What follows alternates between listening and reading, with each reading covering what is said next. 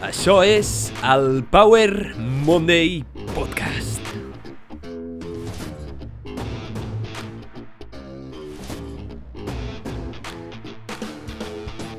Benvinguts al Power Monday Podcast. Soc en Pau, el teu apassionat de salut, inspiració i ciència, i estic molt agraït de que estiguis escoltant aquest episodi.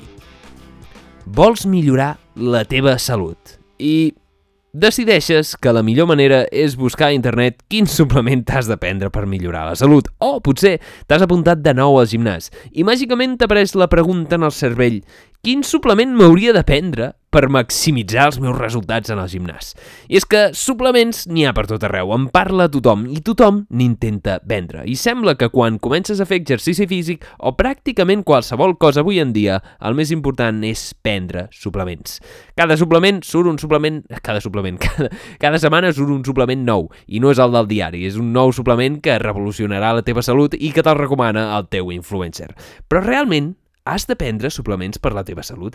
Quin és el millor suplement per la teva salut i per al teu rendiment físic i mental? I com hem de prendre els suplements? Quins riscos i beneficis tens? Totes aquestes preguntes pot ser que t'apareixin quan dubtes sobre quin suplement hauries de prendre i tot el que envolta el món de la suplementació. I d'això parlarem en aquest episodi molt ràpidament, d'alguns temes i bases que són essencials respecte a la suplementació. No entrarem en tot el món de la suplementació, però parlarem de temes i lliçons claus que crec que poden ajudar a treure el màxim benefici de la suplementació. Yo, yo, abans de començar aquest episodi deixa'm fer-te un petit recordatori clàssic. Si us plau, si trobes que aquest contingut és inspirador i t'està ajudant i pot ajudar algú més, Comparteix aquest episodi amb alguna persona que creguis que se'n pot beneficiar i m'ajudaràs moltíssim i t'estaré molt agraït. Ajudaràs que la paraula Power Monday Podcast arribi més lluny. Em pots trobar a moltes plataformes de podcast, Google Podcast, Apple Podcast, tots els podcasts, tot el que acaba en podcast puc estar allà. D'acord? I t'agrairia moltíssim que qualsevol plataforma que estigui me posis un m'agrada i un seguir i m'ajudaràs moltíssim. També em pots trobar a Power Monday Show Instagram, on em pots enviar missatges i comunicar amb mi i enviar, enviar dubtes, preguntes i propostes. No sé per què m'ha sortit un petit accent francès. Per últim, deixa'm recordar-te que també estic a la xeta on pots donar suport a aquest contingut 100% gratuït en català que intenta promoure la inspiració i el coneixement basat en l'evidència, en la ciència, en la pràctica objectiva del coneixement. Dit això, ara sí, anirem a per l'episodi, però com a farmacèutic especialitzat en hàbits saludables, friqui dels suplements, deixa'm dir-te que pots enviar-me qualsevol dubte sobre suplementació, nutrició i hàbits saludables i molt més a Power Monday Show i te'l resoldré encantat. Fetes aquestes aclaracions i tots aquests missatges, anem a veure una mica al món de la suplementació. Som-hi! Abans d'entrar en el món de la suplementació hi ha una lliçó amb la que t'has de quedar immediatament en aquest episodi. I és la següent. Atenció! No pots compensar un mal estil de vida amb suplements. I un bon estil de vida sempre superarà la suplementació. La suplementació ja ho diu la seva paraula, el nom. La suplementació és una cosa que suplementa, no que substitueix. I és que la suplementació en qualsevol punt, en qualsevol moment, hauria de considerar-se només una ajuda extra que et pot servir per maximitzar el teu rendiment físic, mental o per prevenir certs problemes de salut a llarg termini. Sovint, quan la gent comença en el món del fitness i no veu resultats ràpids o resultats esperats, es pregunta potser no m'estic prenent el suplement que toca. Com en moltes situacions avui en dia, busquem una solució ràpida i fàcil. Tot i això, els suplements no són una solució ràpida i fàcil. La solució real implica començar per preocupar-te de la teva nutrició, per la teva salut, pel teu protocol d'entrenament, dormir adequadament, tenir una bona mentalitat, de manera constant a llarg termini. I és que cap suplement podrà mai compensar els teus mals hàbits. Aquesta és la lliçó fonamental d'aquest episodi. Cap suplement pot compensar els teus mals hàbits. Però, sempre hi ha un però, tot i que no fan miracles, els suplements adequats, ben utilitzats, són eines molt útils que et poden permetre maximitzar els teus resultats. Quan ja tens la base ben polida, és a dir, dormir, nutrició, exercici físic, una bona mentalitat, la suplementació et pot ajudar moltíssim. I també et pot ajudar per prevenir certs problemes a llarg termini que els humans podem experimentar. Et pot servir per maximitzar Els resultats en salut són un bonus, un extra, un plus, és un bufo.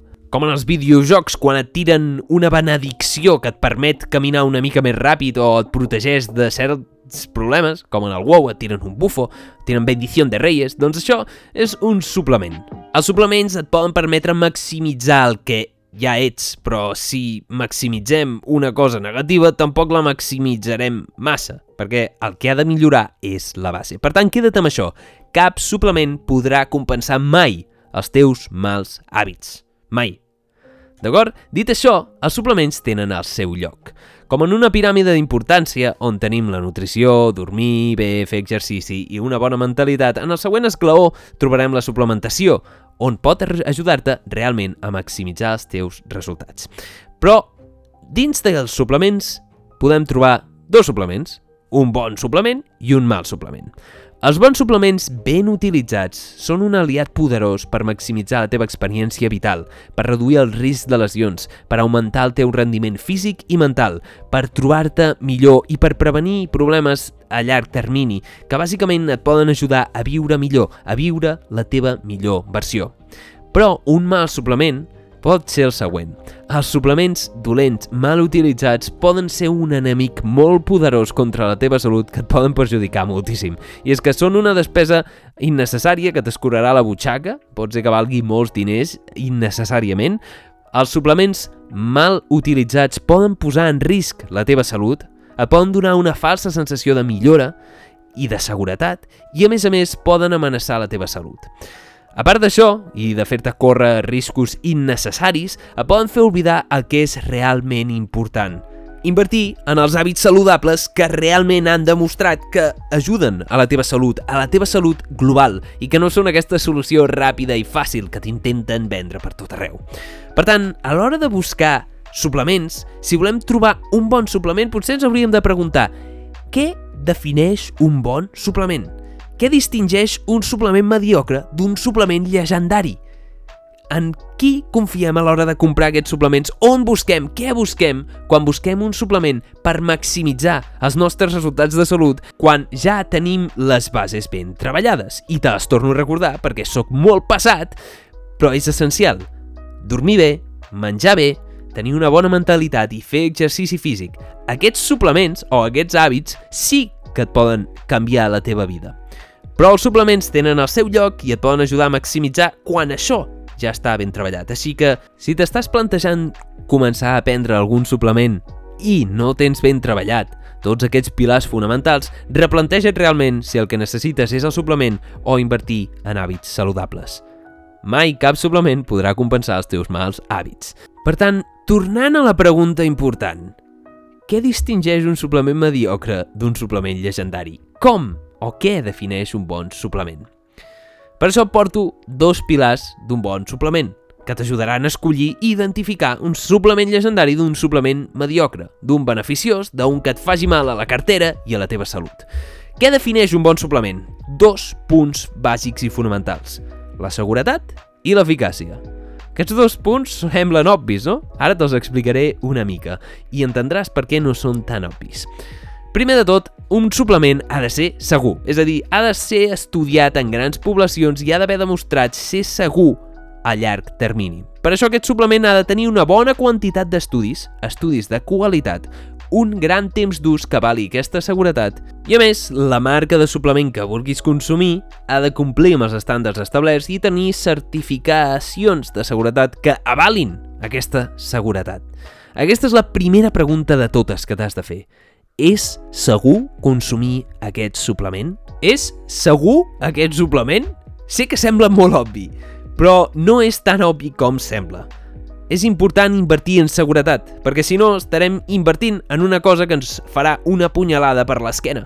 Pensarem que estem invertint en una cosa que ens ha d'ajudar i ens perjudicarà. Per tant, pregunta't moltes vegades, és segur prendre això que estic prenent? La seguretat sempre ha d'anar abans que l'eficàcia. Sempre primer ens hem de plantejar si una cosa que volem prendre és segura abans de saber si és eficaç. Perquè si és segura i no és eficaç, no passarà res. Però si no és segura, encara que sigui eficaç, potser tindrem un problema, com passa amb els esteroides. Els esteroides són molt eficaços en augmentar la teva massa muscular magra, però no són segurs i no te'ls recomanaré mai. Per augmentar la teva massa muscular magra, són perillosos i has d'entendre els seus riscos. Així que tingues això present, la seguretat sempre va abans que l'eficàcia. I l'eficàcia és el segon punt a tenir en compte, que distingeix un bon suplement d'un mal suplement. És obvi, no? Volem suplements que funcionin, que siguin eficaços. I l'eficàcia és bàsicament demostrar que un suplement és eficaç en el seu ús, és a dir, que té estudis que l'avalen científicament en grans poblacions en un ús en concret, normalment en persones amb un estil de vida ja saludable, és a dir, que ja ha pogut maximitzar els seus beneficis, no en persones no saludables. Aquesta eficàcia ha d'estar constatada i validada a través de diferents tipus d'estudis científics que ens ajuden per assegurar-nos que això funciona. No sé tu, però jo no em vull prendre res que no sigui segur i que no sigui eficaç, perquè no vull tirar els diners i no vull arriscar-me a patir problemes de salut per una cosa que no millorarà tant la meva salut, perquè és, és un suplement. Per tant, aquests dos punts que semblen molt obvis que és bàsicament dir que hauríem d'utilitzar els suplements amb evidència científica de seguretat i eficàcia, no és tan obvi, perquè sovint ens oblidem i comprem el suplement que ens recomana el nostre influencer preferit. Un suplement nou que sembla que va sortir ahir sembla que sigui molt beneficiós, però té una alta probabilitat de no ser segur ni ser eficaç. En aquests dos punts de seguretat i eficàcia que distingeixen un bon suplement d'un mal suplement, deixa'm afegir un tercer punt i és que aquest suplement ha de ser útil. Vull que preguntis per què vols prendre aquest suplement? Pots aconseguir aquests beneficis sense recórrer a la suplementació? I, sobretot, és útil en el teu cas particular realment? Sovint, molts suplements han demostrat eficàcia en grups de població en particular, com els esportistes d'èlit, i tot i que tinguin molta evidència en els esportistes d'èlit i d'alt rendiment, poden fer que t'olvidis de la utilitat del suplement. I és que, encara que sigui d'ús i sigui eficaç i sigui segur en aquests esportistes o en grups particular, si tu no, a tu particularment no et serveix i no t'és útil perquè no ets una persona d'alt rendiment, probablement no vegis gaires beneficis, no en treguis l'utilitat, no s'alinei amb els teus objectius i realment estiguis tirant els diners. Per tant, primer de tot, com sempre, pregunta't si estàs fent tot allò que pots fer sense suplementar-te, si aquest suplement és útil per tu, si és segur i eficaç, si ha demostrat evidència i si val la pena utilitzar-lo. Això és important, perquè prendre suplements a la papalà sempre té riscos inherents. Qualsevol cosa que et prenguis en aquest món, pràcticament, pot ser potencialment verinosa o pot ser potencialment perjudicial. Com va dir Paracels, la dosis fa el verí. I qualsevol cosa que prenguis pot ser potencialment perjudicial i pot tenir efectes adversos. Per tant, hem d'entendre la balança del risc-benefici. Si realment et beneficia, si realment és útil, és segur i eficaç, llavors és intel·ligent prendre un suplement que pot maximitzar els teus resultats. Però si no, no. Tot això, que sembla molt complex, és en realitat bàsicament utilitzar sentit comú i consumir suplements amb alta evidència científica que s'adecuin a les teves necessitats individuals. No prendre el suplement que sí és segur i eficaç, però que no et serveix a tu en el teu cas particular. Però si fem un pas enrere i mirem la població en general i veiem com els éssers humans teníem una biologia en comú, hi haurà alguns suplements que seran útils per la majoria de la població. No en tots els casos, però la majoria sí que veurem un benefici. Així que, seguint aquests criteris, ve la pregunta quin és el millor suplement de la història actualment que pot beneficiar a la majoria de la població?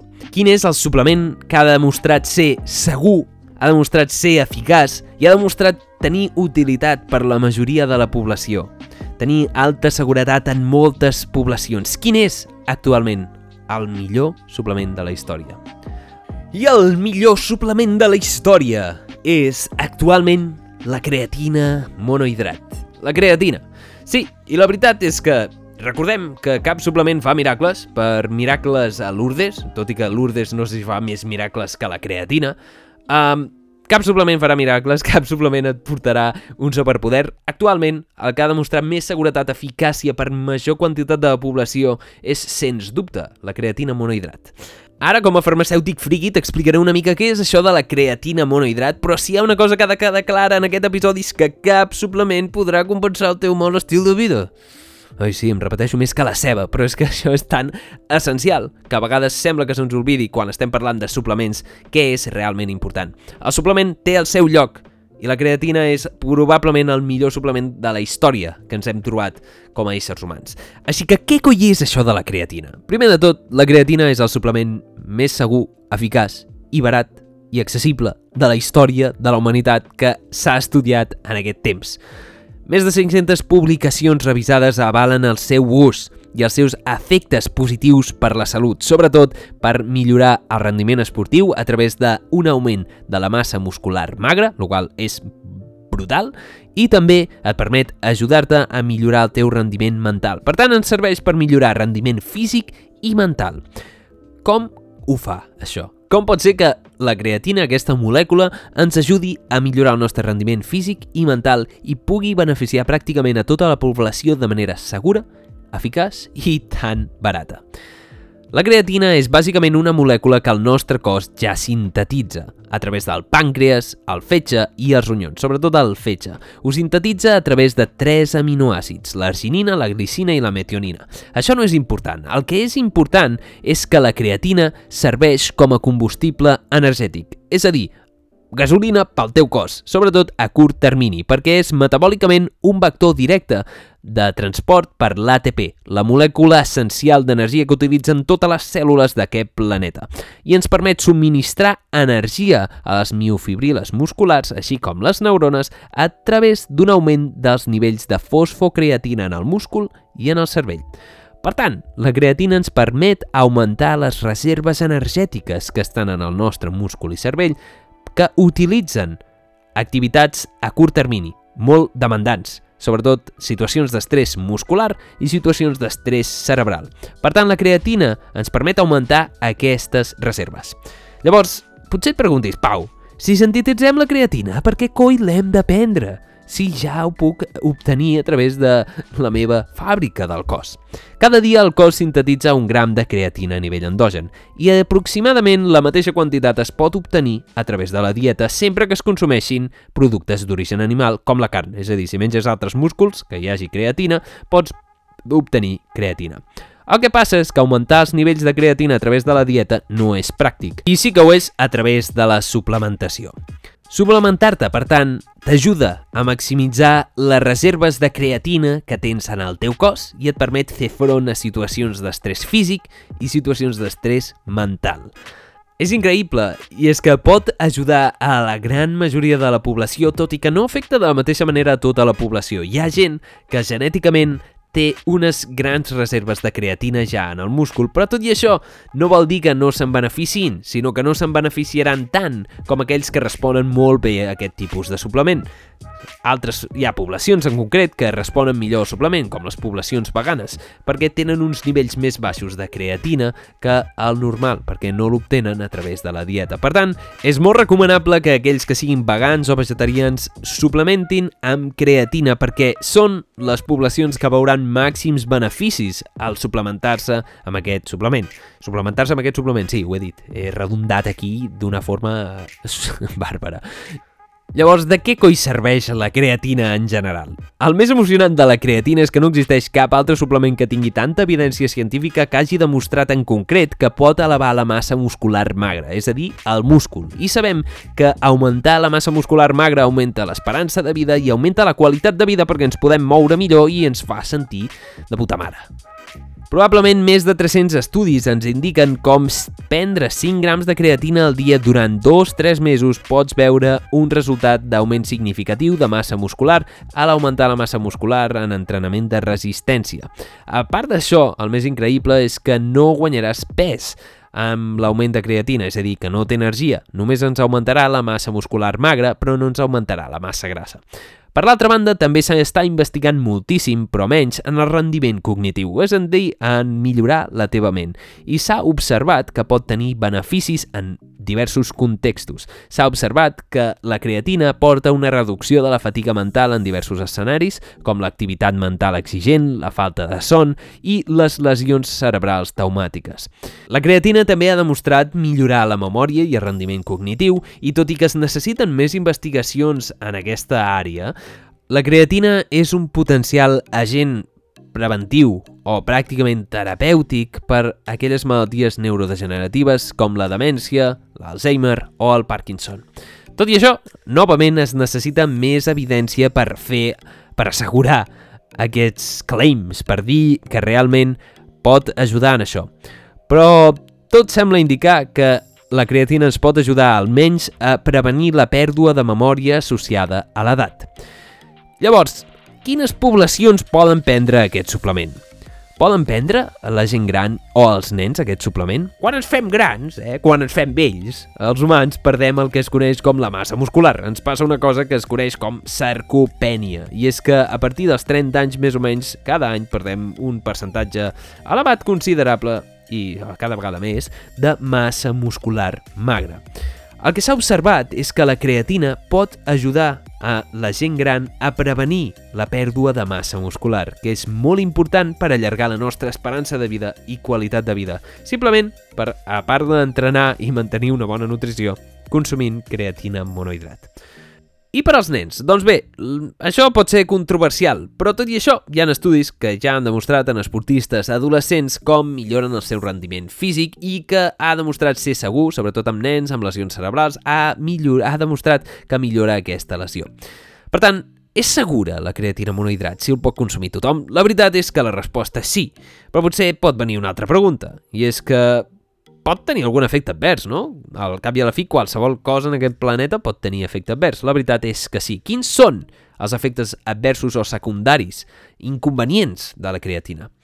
Quan la creatina no es pren amb prou d'aigua, eh, pot produir-se una rampa estomacal i et pot fer mal. La diarrea i les nàusees també poden presentar-se quan es pren massa creatina de cop.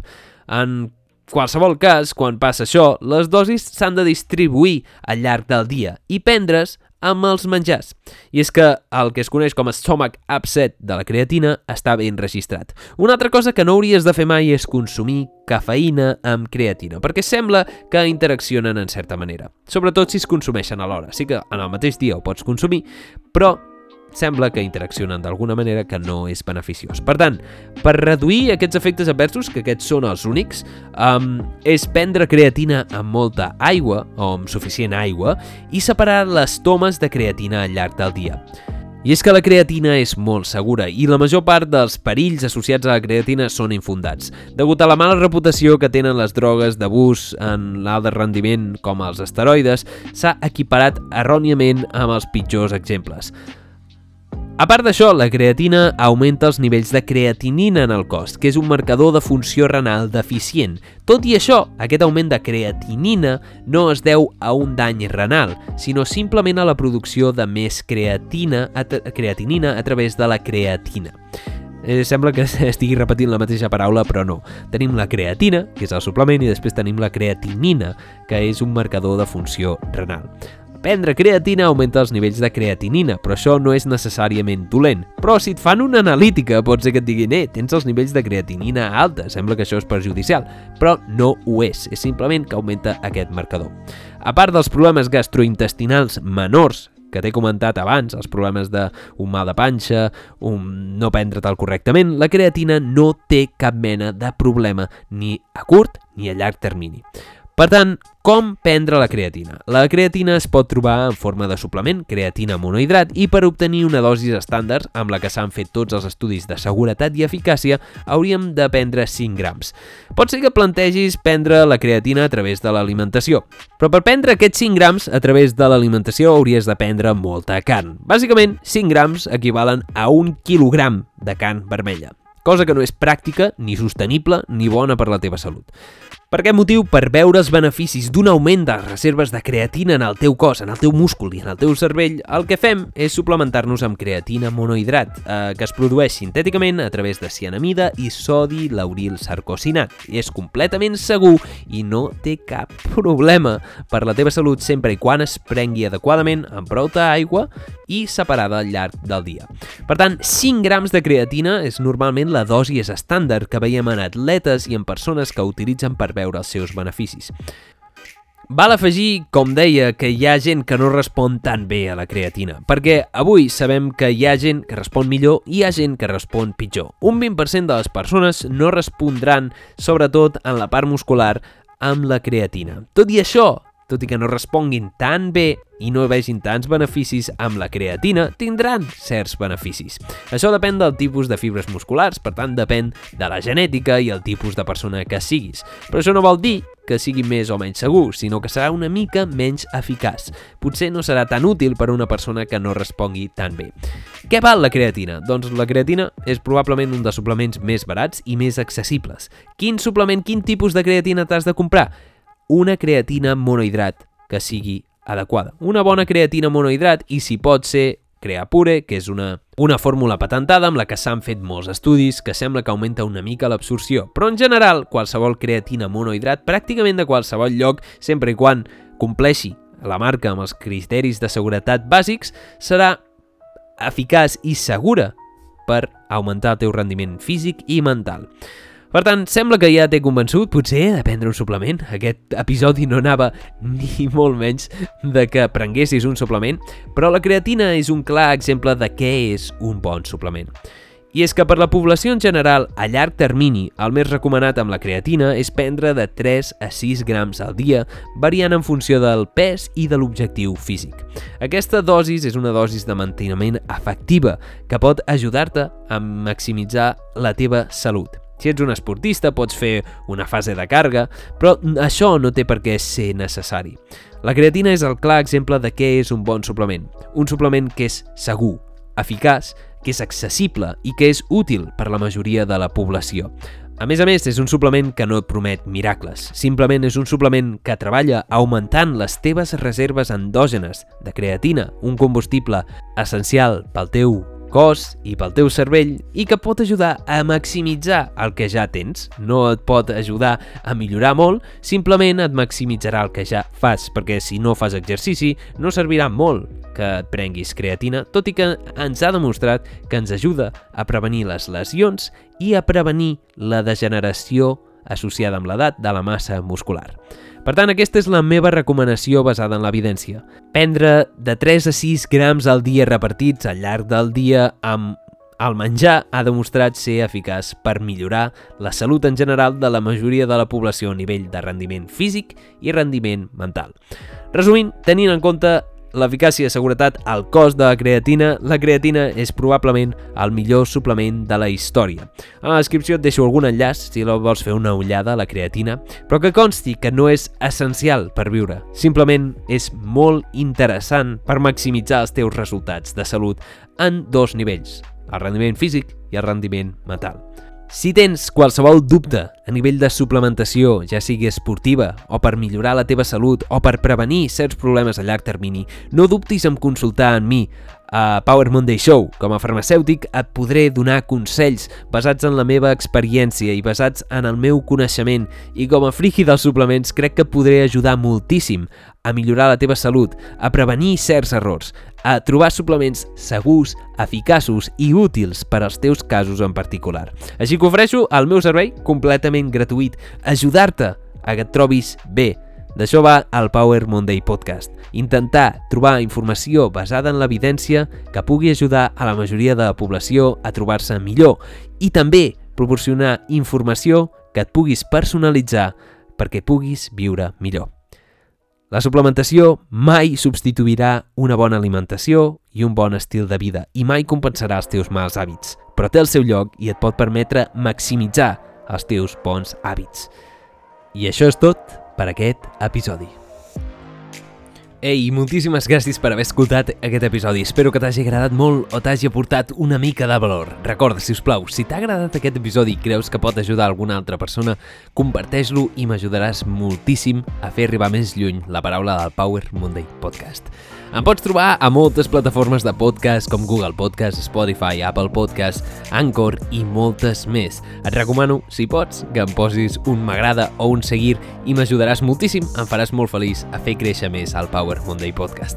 També em pots trobar a Instagram Power Monday Show on em pots enviar missatges, dubtes i preguntes, així com em pots trobar a la xeta on també comparteixo aquest contingut gratuït 100% en català i pots donar suport a aquest projecte.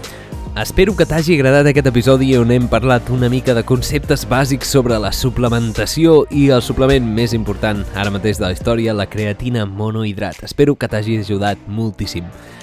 Abans de marxar, vull recordar-te que ets suficient, ets estimat, ets únic, increïble, irrepetible i ara és un gran moment per prendre acció, per fer allò que fa temps que saps que vols fer. Així que vés, vés i pren acció. Et desitjo, com sempre, una setmana èpica plena de creixement personal on creixis i t'inspiris moltíssim i ens veurem en el pròxim episodi. Ciao, moltíssimes gràcies.